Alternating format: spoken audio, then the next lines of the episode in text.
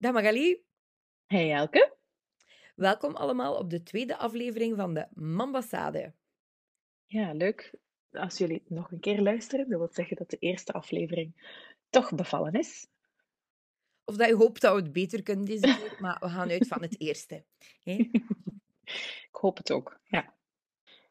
Het zal wel, eh, ja, we zijn zelf benieuwd, want eh, als wij, nu dat we deze aflevering opnemen, is de eerste nog niet uit, dus we weten nog niet wat de reacties zijn. Ehm, Nee, of dat spannend. mensen überhaupt luisteren naar ons.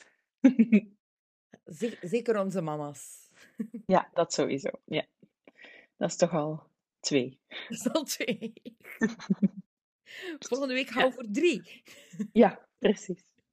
Nee, Het is wel leuk om te zien dat er toch al mensen zijn die eh, enthousiast gereageerd hebben op, de, op ons plan en op de Instagram Ja. en zo. Dus dat, eh, tenminste, ik heb al leuke, toch wat leuke berichtjes gekregen. Dus dat is Ja. wel leuk.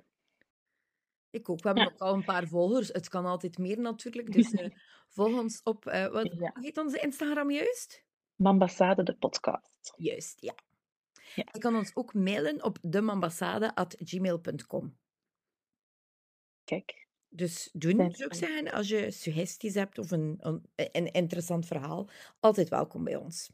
ja, we horen heel graag wat jullie verhalen zijn. Dus eh, sowieso kunnen we eh, nog zeker veel gasten gebruiken en eh, misschien vragen we jezelf wel ook. Goed, vorige keer hadden we het over de geboorte van de Mama Sada en ook een beetje over onze eigen geboorte. En deze week...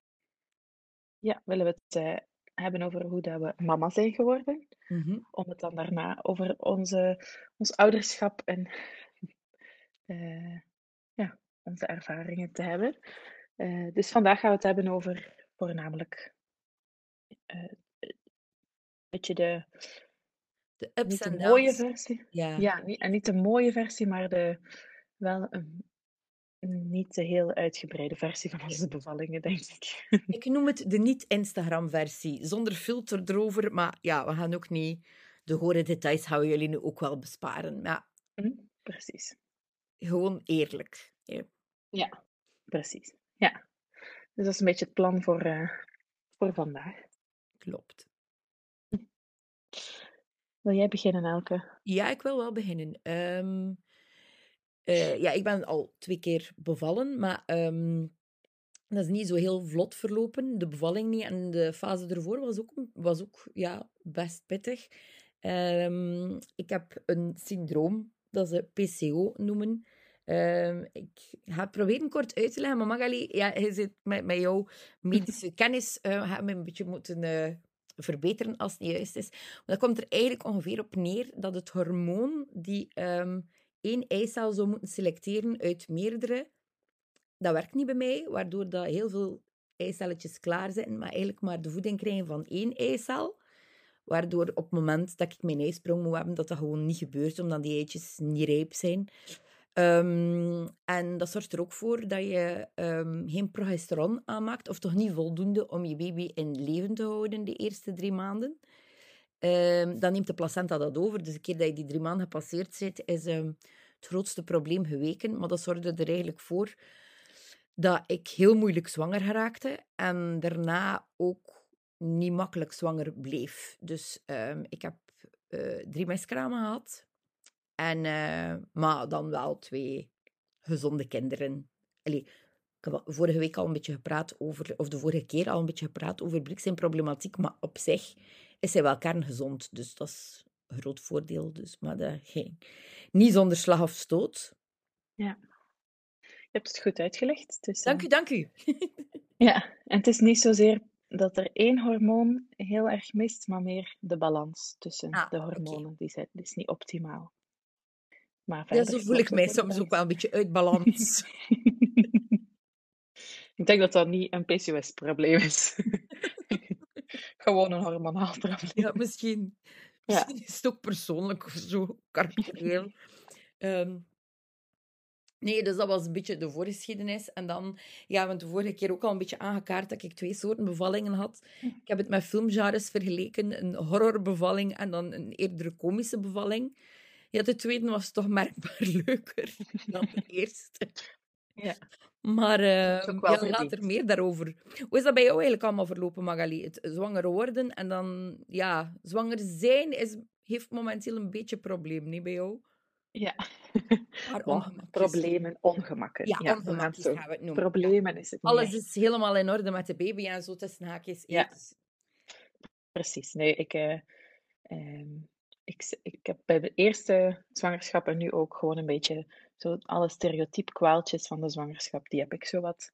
Dus, eh, maar nu wist ik dat, dus dan ben ik beter voorbereid dan de eerste keer. Ehm, maar bij mij het zwanger worden ging eigenlijk verrassend supersnel en goed. Ehm, ik zeg al meestal dat we zelfs op ehm, celniveau een goede match zijn, mijn vriend en ik.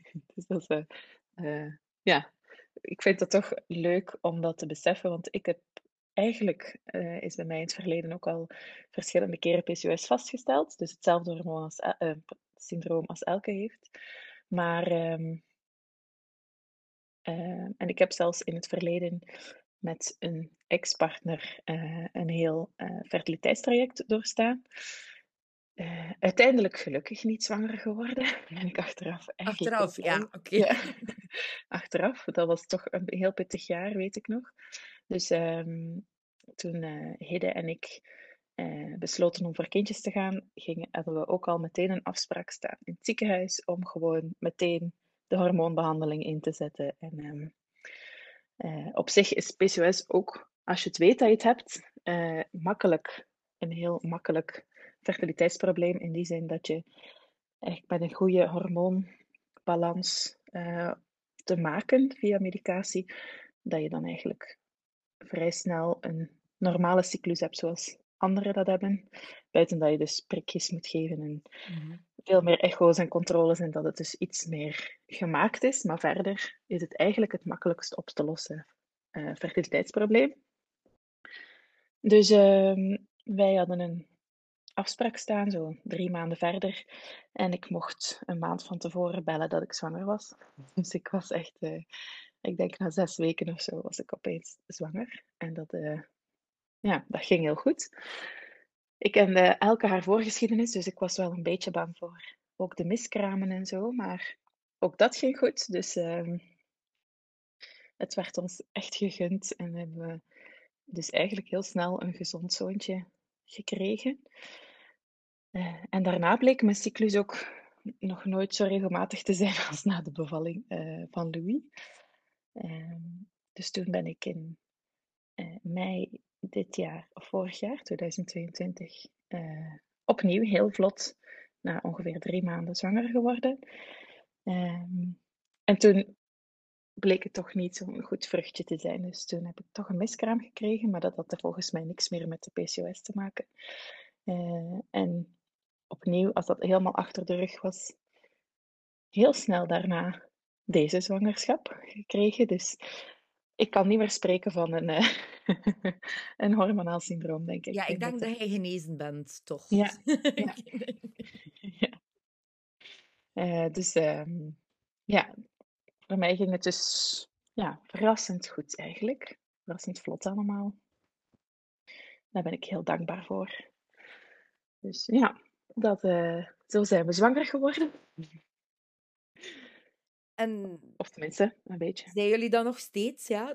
Dus- Ja, ja, Allee, ik niet, Magali wel. ja, hè? Ja, ja, ik had het meer over onze wij. Ja, ja, ja, ja, ik snap het. Elke en Magali. ja, dus Ja, eh, ja. dat is toch zoiets... Dus, dus zo heel veel koppels, wij zijn zwanger, maar Ja, wij doen daar nee, niet aan. nee, toch niet, hè? Nee. Allee, wij, wij zijn niet zwanger, hè? Nee, ik vind de man, de man mag heel veel meedoen en kan heel veel meedoen. En ik vind het superleuk om te zien als mannen daar eh, ook echt moeite voor doen. En ook bij de controles willen zijn en de echo's willen zien. En eh, zich ook mee voorbereiden op de bevalling. Dus ik vind ook, ja, er verandert ook veel voor die mannen. Maar nee, ik ben toch echt zwanger. Ja, ik vond dat... ja. ja, dus toch genoeg dat verandert in mijn lichaam om te kunnen zeggen: ik Helemaal dit en dit. Ja, Als andere mensen dat liever op een andere manier benoemen, hé, wij, wij geven maar onze mening? Dus Ja, voel je precies. vrij om te zeggen, wij zijn zwanger, maar Ja. ik had daar nog over.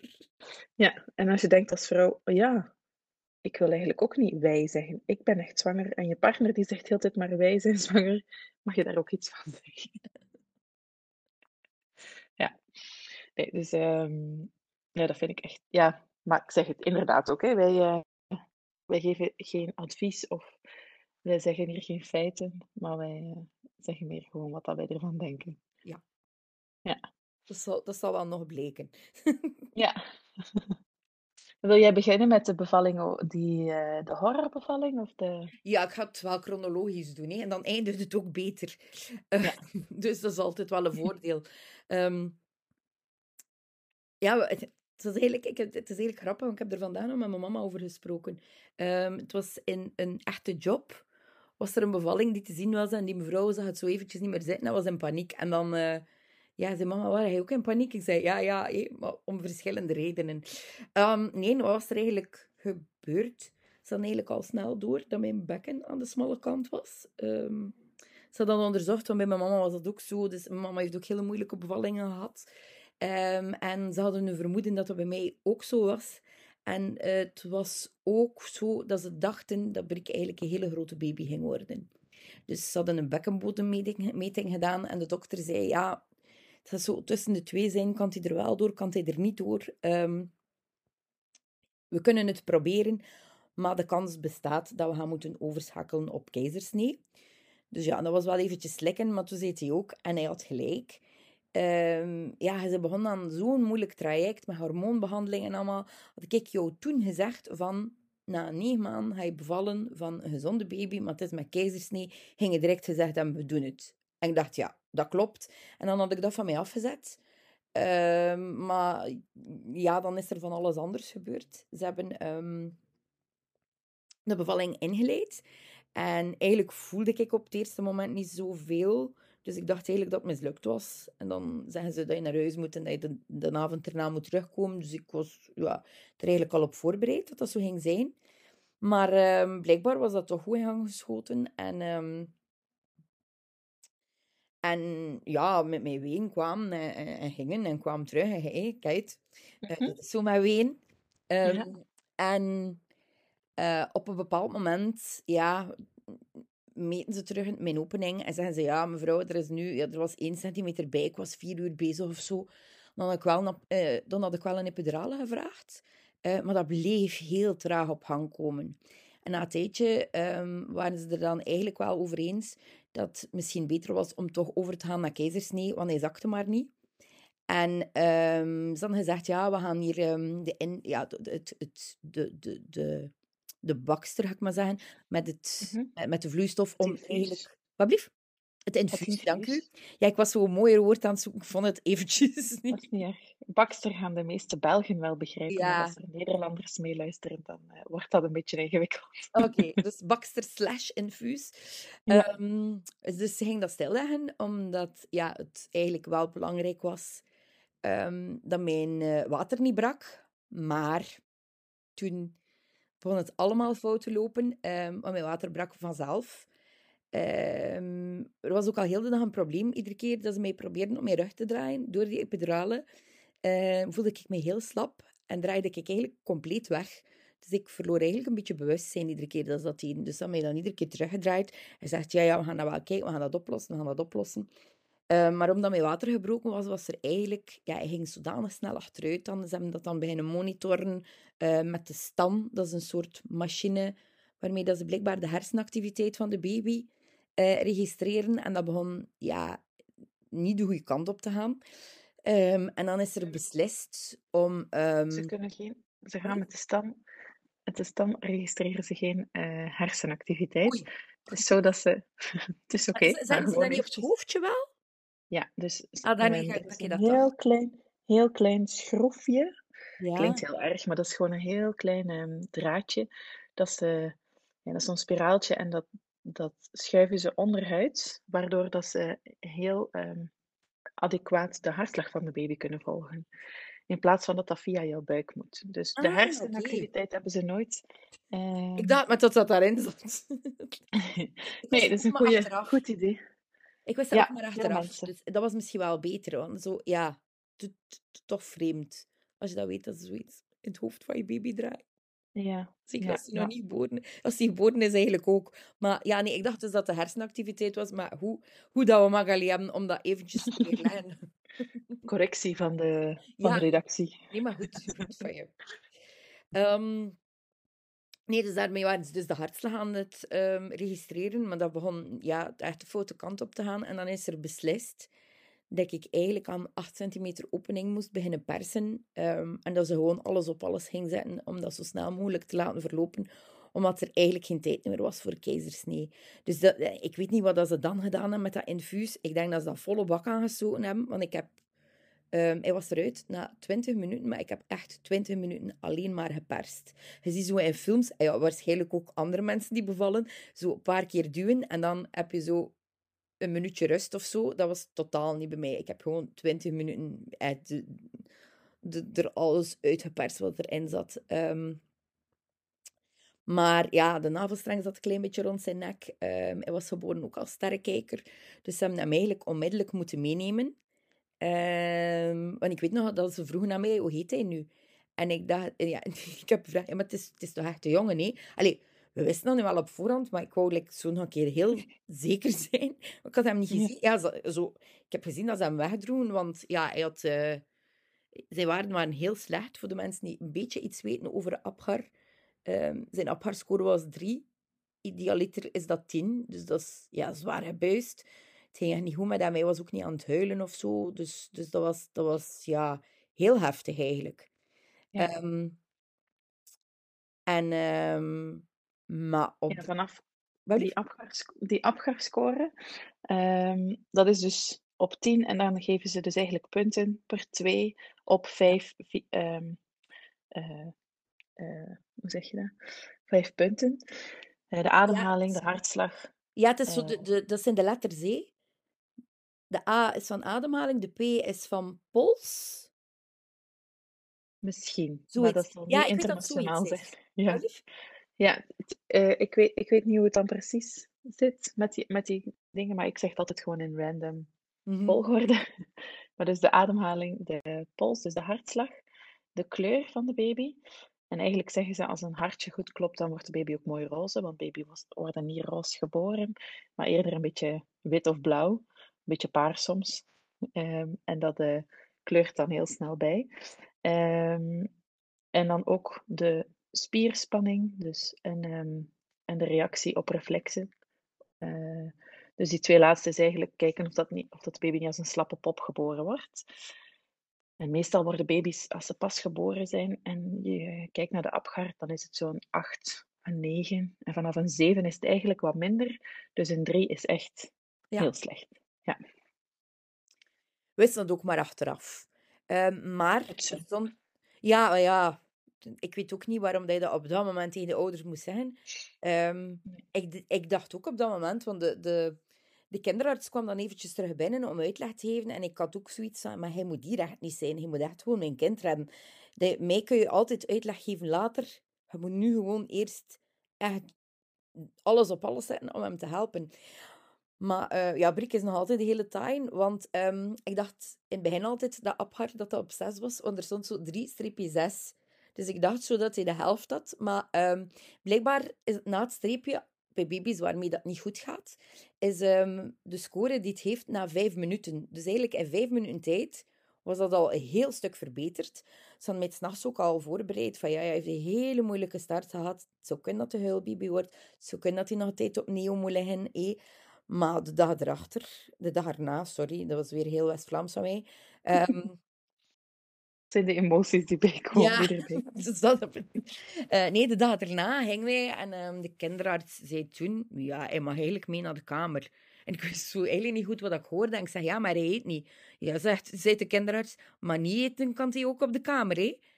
En ja, dan heb ik hem meegenomen en dat was, dat, dat was wel ehm, het, een fantastisch gevoel. Voordien had ik dat eigenlijk niet gevoeld. Ze hebben hem mij ook niet gegeven. De eerste keer dat ik hem zag, lag hij in een couveuse. Ik kon er wel zo'n beetje mijn hand op leggen. Ik heb dan geprobeerd om hem de borst te geven, maar dat lukte ook niet goed.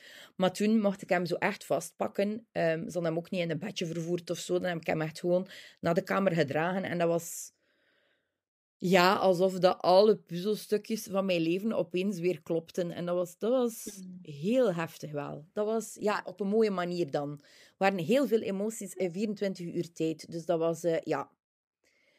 Dat was heel, ja, dat was heel, heel heftig. We hebben ook achteraf zo op de, op de ziekenhuisopname teruggeblikt en eigenlijk allebei heel hard zitten wenen, omdat er op een week tijd gewoon zoveel gebeurd was. Eerst van, ja, mhm. gaat hij het wel halen? Dan, ah ja, ja, het zou kunnen dat hij heel moeilijk gaat. En dan bleek dat eigenlijk een hele makkelijke baby te zijn. Oké, dat dat dan later ook wel met zijn chromosomale afwijking te maken. Maar dat wisten we eigenlijk op dat moment niet. En, uh, ja, jullie wisten ook niet? Wat blief? Want jullie wisten ook niet nee. op, voor de geboorte en eigenlijk in het begin, de eerste weken of maanden? Dat de eerste zes maanden wisten we eigenlijk van niks. Nee dacht u. En dan begon je achterstand in de ontwikkeling te, op te merken, toch? Zo is het uh, uiteindelijk opgemerkt. Ja, voor alle duidelijkheid, ik niet. Ik dacht, ik heb een trage baby, hij is gezond, alles is in orde. Maar dan hadden ze wel gezien bij Kind en Gezin, uh, ik weet niet hoe dat bij jou in Nederland heet. Consultatiebureau. Juist. Um, dat hij eigenlijk niet voldoende groeide. En dan is zo de ja, de mallemolen een beetje beginnen draaien. En dan hebben ze de chromosomale afwijking gezien. Dus eigenlijk wat dat Brik heeft, heeft totaal niet met zijn moeilijke start te maken. Dat is, dat is heel vreemd, maar wel waar. Um, is daar eigenlijk perfect doorgekomen. Want ze hebben onder andere, toen dat al de onderzoeken gebeurden, hebben ze um, een scan genomen van zijn hersenen. En eigenlijk um, was dat perfect in orde. En dat is eigenlijk het eerste dat je meestal ziet bij kinderen die een moeilijke start gehad hebben, die zuurstoftekort hadden, dat niet mhm. alle delen van de hersenen uh, genoeg doorbloed zijn. Maar dat was eigenlijk helemaal in orde. Ze waren niet zo rijp, of dat ze bij de meeste baby's van die leeftijd zien. Maar toen zei de dokter ook, ja, maar die zijn nog zo jong en dat kan zoveel verschil opzetten dat dat eigenlijk ook niet echt een probleem was. Um, dus eigenlijk heeft hij aan die bevalling niks overgehouden. Ja, het was mhm. eigenlijk gewoon toevallig dat en die bevalling en die chromosomale afwijking um, ja, uiteindelijk een probleem waren. Ja, en zou het, um, dat weet ik nu zelf eigenlijk niet meer zo goed, zou het wel kunnen dat Brik dus minder goed tegen de stress van de bevalling kon door de afwijking dat hij eigenlijk al had, maar dat jullie nog niet wisten dat hij had? Dat... Of heeft er echt niks mee te maken? Het zou kunnen dat dat daar iets mee te maken heeft, want um, ik, ik weet het eigenlijk totaal niet. Ze hebben daar nooit iets van gezegd. Ze wisten het ook niet op dat moment. Um, maar wat Brik wel heel hard heeft, is um, hij is hyperlax. ja, voor de mensen die niet weten wat dat is, je hebt bij heel veel kinderen met een beperking zie je hele spastische spieren, spieren die verkrampen en zo. Hyperlax is eigenlijk net het tegenovergestelde. Dat zijn spieren die heel lage tonus hebben, uh, waardoor dat blik ook ongelooflijk lenig is. Wij hebben altijd gezegd dat we hem later gaan inschrijven bij Cirque du Soleil als slangenmens. Uh, hij gaat perfect kunnen. dus, um, maar dat zorgt er wel voor um, dat die spieren dus ook heel slap zijn. Hij is heel lenig, maar zijn spieren zijn eigenlijk ook... Ja, we hebben heel veel moeten doen om die spieren zo sterk te krijgen om eigenlijk goed te kunnen stappen. En dat is dan nog... Ja, Brik kan geen afstanden doen als een ander kind van, van bijna 12. Uh, maar hij doet zijn best en uh, het gaat eigenlijk wel goed. Maar ja, dat is op Brik zijn manier. En dat is niet een tempo dat ik kan vergelijken met om het evenwel kind van bijna 12. Maar mm. we vergelijken Brik met Brik. En hij doet iedere dag een klein beetje beter. Dus dat is het belangrijkste natuurlijk. Ja, ja. Ja, zeker. Dus dat zou zeker kunnen. Want in het begin hebben we ook heel veel problemen gehad om hem te laten drinken en zo. En dat was blijkbaar ook daardoor, omdat eigenlijk de spieren rond zijn mond ook veel te slap waren om dat goed te kunnen. Dus, ja, uh, ik zeggen, voor borstvoeding, borstvoeding is echt een workout voor baby's. Ja. Dus uh, daarom dat babytjes die te vroeg geboren zijn of die een lager gewicht hebben, um, dat die ook vaak meer moeite hebben met lang drinken of genoeg drinken. Uh, om aan hun krachten te komen, omdat het dus zoveel vraagt. Dus dat je dan heel vaak het verhaal ziet van afkolven, bijvoeden met een flesje, omdat het te moeilijk is voor zo'n babytjes. Om inderdaad echt met die, uh, uh, die borst goed te pakken en de melk er goed en efficiënt uit te krijgen. Ja. Je ziet dat ook nadat de baby gedronken heeft. Die ligt zo. Ja. Ik hou meestal zo met de, met de lichte lach Ja. om mijn mond. Ja. Ja. Helemaal knock-out. ja. Ja. Ja. Maar uiteindelijk is het met jou ook goed gekomen, hè? Ja, Fysiek. ja, ja. Voor de mensen die nu heel ongerust het is, het is van, van ons... Is het wel, wel oké denkt?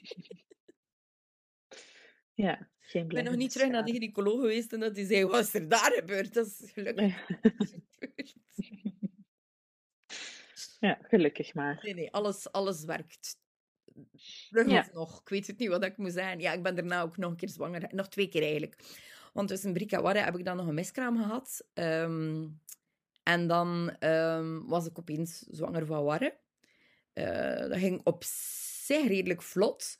Buiten een bloeddingetje in het begin van de zwangerschap. En dan heeft de gynaecoloog door mijn eh, nogal moeilijke voorgeschiedenis mij toch een weekje bedrust gegeven. eh, gewoon om zeker te zijn dat die wonde goed genas. En dat ik niet negen maanden, iedere keer dat ik naar het toilet ging, in paniek ging schieten, omdat er toch nog een beetje bloed in mijn slip lag.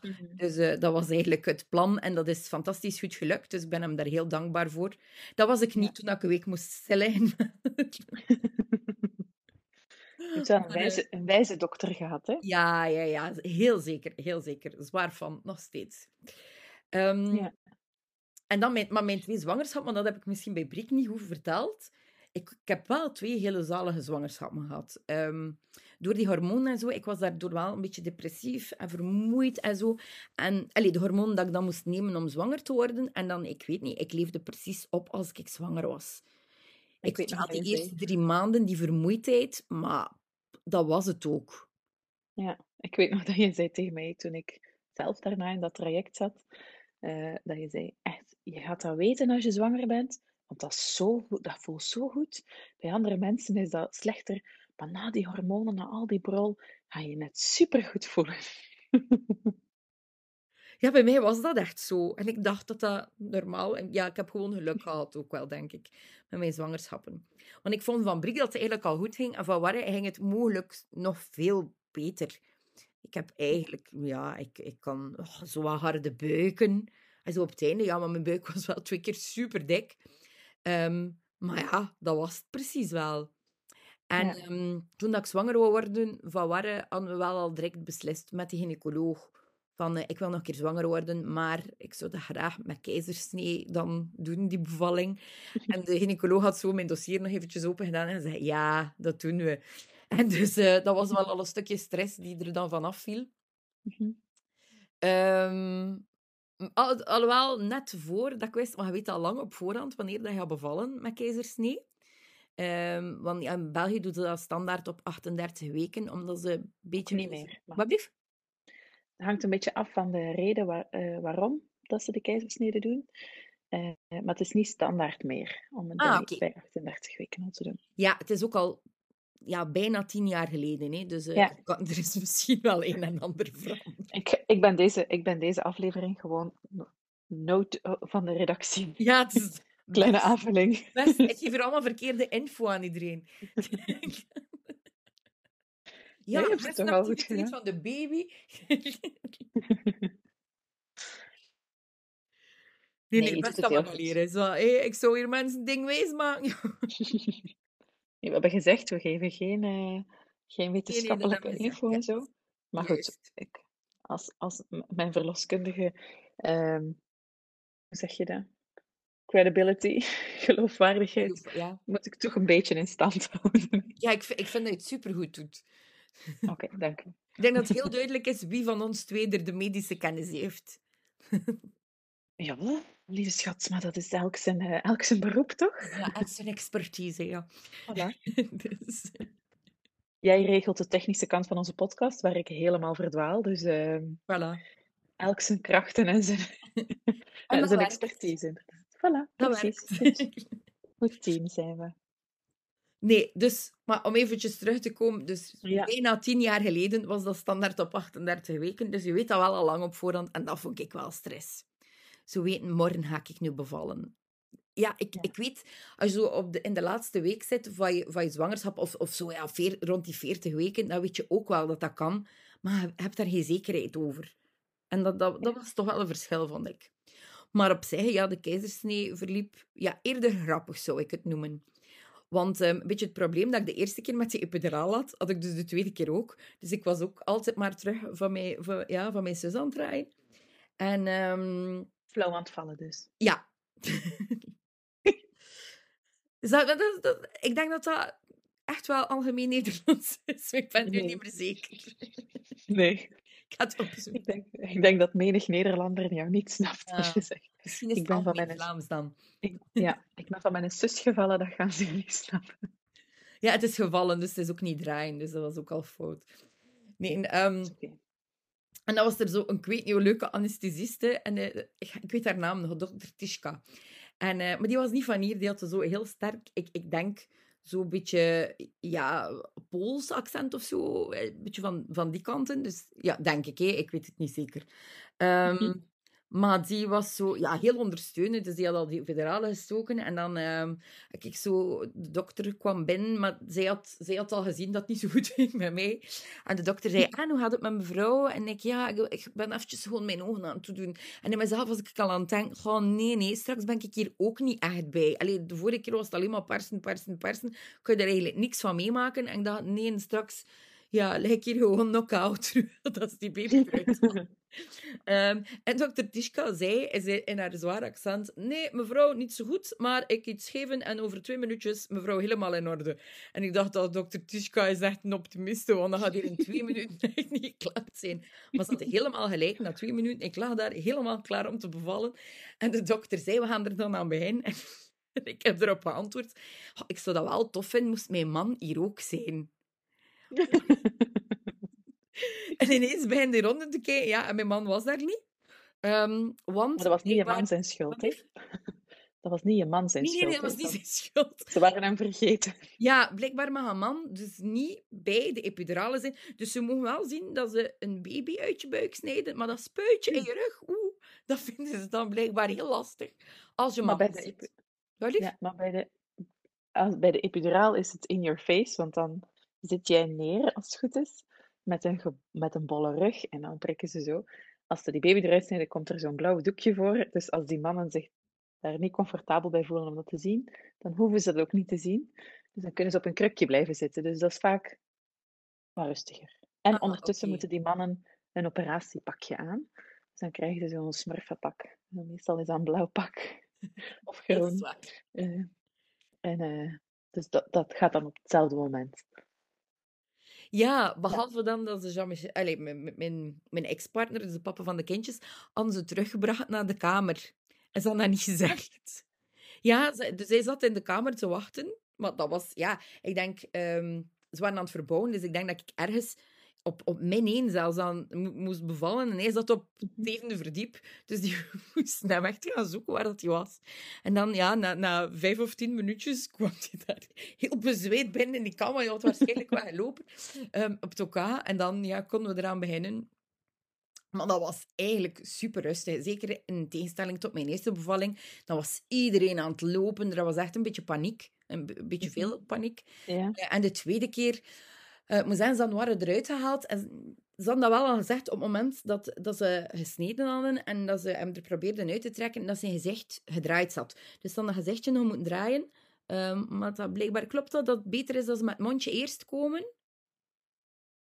Eh, Ik kan me dat wel voorstellen, omdat, ehm, eh, omdat als, de, als de longen zich ontplooien en het mondje is er nog niet, Ja, en hij neemt dus een ademteug, dat ze dan natuurlijk niet het risico willen dat hij iets inhaleert. Lijkt mij dan. Dat het dat, eh, daarom was. ja wel. Maar dus dat ver- ze waren dat aan het vertellen, maar we zijn dat hoofdje nog aan het draaien. En zo kunnen dat hij daardoor wel nog heel wat ehm, eh, vruchtwater hapt. Dus ik kwam eruit en hij was ook niet direct aan het wenen. Maar ik moet zeggen, ik was niet in paniek, omdat ik ook merkte hoe dat ze daarop reageerden. En zeker in tegenstelling tot de vorige keer. Ze heeft eventjes moeite met ademhalen. We gaan hem snel eventjes helpen. En ja, ik denk zo'n half minuutje of zo later, dan liet hij hem goed horen. Dus dat was heel duidelijk. Een heel gezonde Ja. baby. Dus ja, dat was heel relaxed. Maar af en toe een paar komische momenten achteraf bekeken dan. Ja. Op het moment zelf weet ik niet of ik daar per se mee aan het lachen was. Maar ja, ik denk wel dat ik mopjes vertaald had. Jou te kennen, denk ik. denk Ja, zo reageer ik ook op gedeeltelijke verdoving, blijkbaar. Pijnstillers. Ik ben ook totaal niet van om pijnstillers. Ik denk dat dat misschien wel een van de redenen is dat die epidurale zo hard aankomt bij mij. Ik moet al super ziek zijn voordat ik ook nog maar de DAFA aanneem. Dus ik denk gewoon Ja. dat mijn systeem denkt, wow, wat gebeurt er hier nu? En ja, gewoon een beetje flipt. Ja, ja. Dat stukje wist ik trouwens niet van de bevalling. Of niet meer in ieder geval. Ja, Dat was eh, eh, heftig. Die, die uitwerking. Ja, Zeker de eerste Kan ik keer. ja, om dan terug te komen op die paniek. Ja, op het moment dat ik moest beginnen per- persen, was ik in paniek, omdat ik dacht dat ik weer ging flauwvallen. Maar er was een verpleegster en die zei tegen mij... De natuur gaat dat overnemen, dat komt helemaal goed. Ik denk ook dat er dan toch een soort dokter Tishka was die daar nog iets heeft bijgespoten bij mij. Ze hebben mij dat gewoon gezegd. ja, en bij jou hebben ze ook de epiduraal niet uitgezet, hè? Nee, dat ik? klopt. Na? Keizersnee deden ze dat niet in het ziekenhuis waar ik bevallen ben. Ik weet niet of dat nog steeds zo is. Ehm, ik denk dat ik Hangt nog... van het ziekenhuis. Wat Ja, Hangt Ik weet, maar ik weet ziekenhuis. niet of ze dat daar nog doen, ja of nee, op die manier. Ehm, maar ehm 24 tot 48 uur houden ze eigenlijk onder epidurale. Eh, ik denk dat ik... Ik ben de donderdag bevallen. En ik denk de, de zaterdag tegen de namiddag was ik uit verdoving. Ja. Ja, ik weet nog tijdens mijn opleiding, waarbij ik ben afgestudeerd in 2012, dus dat is ook al een tijdje geleden. Ehm, eh, weet ik nog dat ze, dat, ook echt, dat ze ook echt zeiden van, er zijn twee meningen daarover, twee kanten. De ene zegt, eh hup, binnen een paar uur meteen uit bed en bewegen. En eh, zonder verdoving meer. En de andere zeggen, we laten het even rusten. Met de verdoving even goed laten, of het eerste herstel laten beginnen. En dan eh, gaan we kijken hoe dat het uitwerkt. Eh, dus ja, dat, ehm, volgens mij is nu veel meer het idee van heel snel weer op de been. Ook omdat de lichtdagen in het ziekenhuis wat korter zijn ondertussen. Ja. En dat er daar ook een groot tekort is. Dus ehm, ik denk dat de mensen ook gewoon sneller naar huis willen kunnen sturen. Mhm. Ja, dat is tenminste toch in Nederland eh, heel erg het geval. Ja, nee, hier merken we dat ook wel. Ik weet natuurlijk niet hoe dat zit met keizersnee, maar mijn zus is bevallen op een dinsdag en vrijdagmiddag was zij thuis. Dus vind ik op zich wel snel. Ja.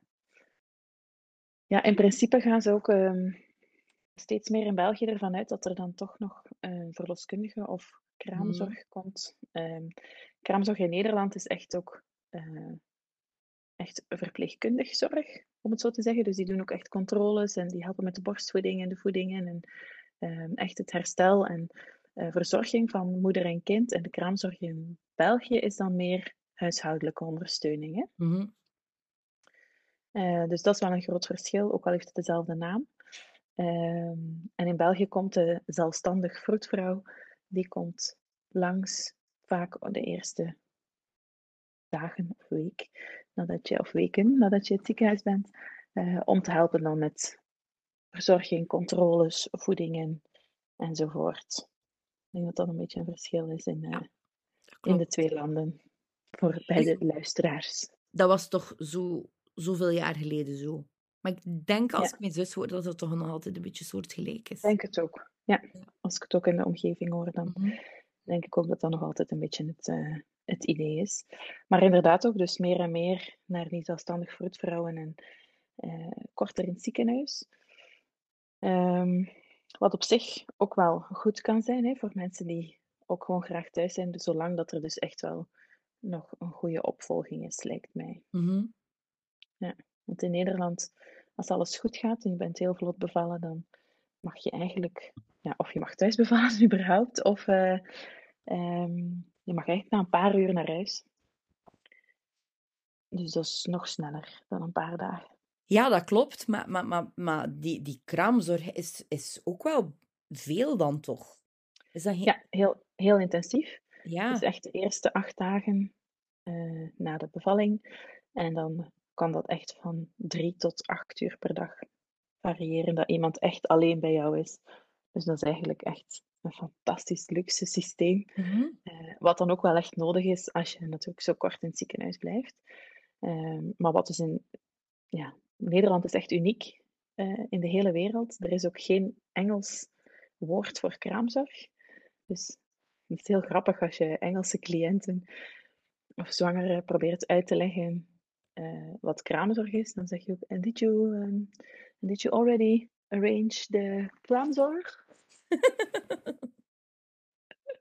Of de, de maternity eh, nurse. Dat kan ook wel, maar eigenlijk is het dus geen verpleegkundige, maar eh, echt een apart vak. Maar toch heel grappig dat dan heel veel verloskundige kraamzorg, of dat mensen dat dan zelf ook zo zeggen, als ze dan, dan Ja. ze, lezen ze dat overal, de, de kraamzorg, en dan proberen ze het ook gewoon op zijn Nederlands uit te spreken. Dus dat is wel echt heel grappig. Vind ik altijd, dat er dan zo ineens zo'n heel Nederlands woord uitkomt. Ehm, maar ja, dus dat is echt een heel uniek systeem. En ik zei ook altijd, ik wil in Nederland bevallen, want ik wil ook zo kraamzorg. Ja, nee, dat snap Ik ik wil ook kraamzorg thuis. Ja, Maar jij zegt nu net, dat is nodig en dat is zeker iedereen super hard gegund. En, maar wat ik nu vertel, wil ik ook zeker geen ehm steen smijten naar verpleegkundigen in, in België. Maar drie tot acht uur iemand die alleen maar met jou bezig is, zelfs als je in het ziekenhuis ligt, dan heb je dat gewoon niet. nee, zijn precies. ze gewoon zwaar onderbemand. Dat is... Ja.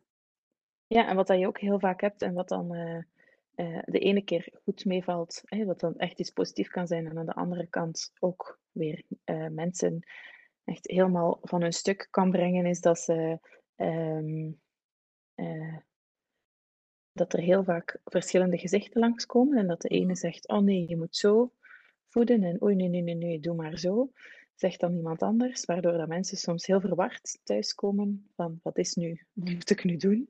A of B of C of D. Ehm, en aan de andere kant kun je ook zeggen, natuurlijk, dat zijn verschillende meningen en ik kan daar zelf gewoon uit kiezen wat voor mij het beste werkt. Eh, dus heeft, om het op zijn, eh, op zijn Amsterdams te zeggen, of zijn Nederlands, elk nadeel heeft zijn voordeel. Dat kun je ook zo daarin zien. Ja, Maar dus dat, ja, dat zien we ook wel echt. Dat er, eh, ook al proberen ze een beetje unanieme zorg te geven in ziekenhuizen, dat het toch ja, heel vaak verschilt met de persoon die binnenkomt. Ja, dat ja. klopt, inderdaad. Ik had, ehm, ja, zeker na, na de bevalling van Brik, ja, ik kan je voorstellen, dat was heel pijnlijk achteraf. Ehm, en dan was er zo, de ene dag was er iemand binnengekomen en dat ze zegt, ah ja, je hebt zo'n pilletjes nodig, je krijgt er van de eerste keer drie en je moet er drie keer op een dag eentje nemen. En dan dag daarna vroeg ik dat aan iemand anders ook. En die zei, maar krijg jij er geen drie? En mag je dat zeker niet alle drie in één keer nemen? Ga verslaafd raken. En dan de dag daarna had ik weer anders, was ik heel hard beginnen wenen, omdat ik ja, de dag ervoor niks van pijnmedicatie gekregen had. Ehm, en die had gezegd, kom. En die had een hele strip gegeven. Voor een tijdje. En dan was dat wel grappig, want ik had veel meer pijn achteraf na de bevalling van Brik. En dan bij Warre, omdat dat met keizersnee was, waarvan ik eigenlijk heel weinig pijn had, kwam ze bijna op dienblaadjes van goud pijnmedicatie geven, terwijl dat ik dat op dat moment eigenlijk echt niet nodig had. Ik ik vind Ja. het heel vreemd dat dat zo gelopen is. Ik denk, ja, het is nog niet omdat, ja, omdat het een normale, tussen aanhalingstekens, bevalling was, dat mensen Mhm. daarom geen pijn hebben. Nee, helemaal niet. Ik denk dat dat ook echt een, eh, een foutje in de overdracht is geweest. Ja, Dat ze echt gewoon... van die eh, keizersnee. Ik besef dat iedereen daar anders op reageert, maar ze hadden mij ook gezegd dat het heel moeilijk ging zijn de eerste keer dat ik de trap op ging lopen. Dit en dat wordt heel moeilijk. Ik heb niks gevoeld. Allee, ah, ja, je voelt natuurlijk wel dat ze, dat ze, snee, dat, dat ze een incisie gemaakt hebben in je buik, maar mhm. eigenlijk viel dat super hard mee. Ja, ik denk ook wel echt dat dat is omdat je de eerste keer zo problematisch bent bevallen, dat dat inderdaad een walk in the park is geweest, die tweede. Ja, dat. En ik weet ook wel... ehm, m- m- Eerst ik heb- voor ontgrendelen. Excuus. Siri wordt ook iets Siri ervan. wil ook meedoen met de podcast. Ja. Ehm, nee, ik weet ook wel, ik heb een lichaam die ongelooflijk goed recupereert van zo'n ding. Ik heb daar geluk mee. Niet iedereen heeft dat. Nee, dat is zeker waar. Ja, dus, eh, maar heel fijn. hè. Het was je wel gegund na die Ja, eerste keer. Na de weg vol Ja. obstakels. Ja, precies. Ja, dus eh, nee. Maar ja, goed om dus ehm, mee te nemen. Ja, voilà. Of tenminste, om mee te geven.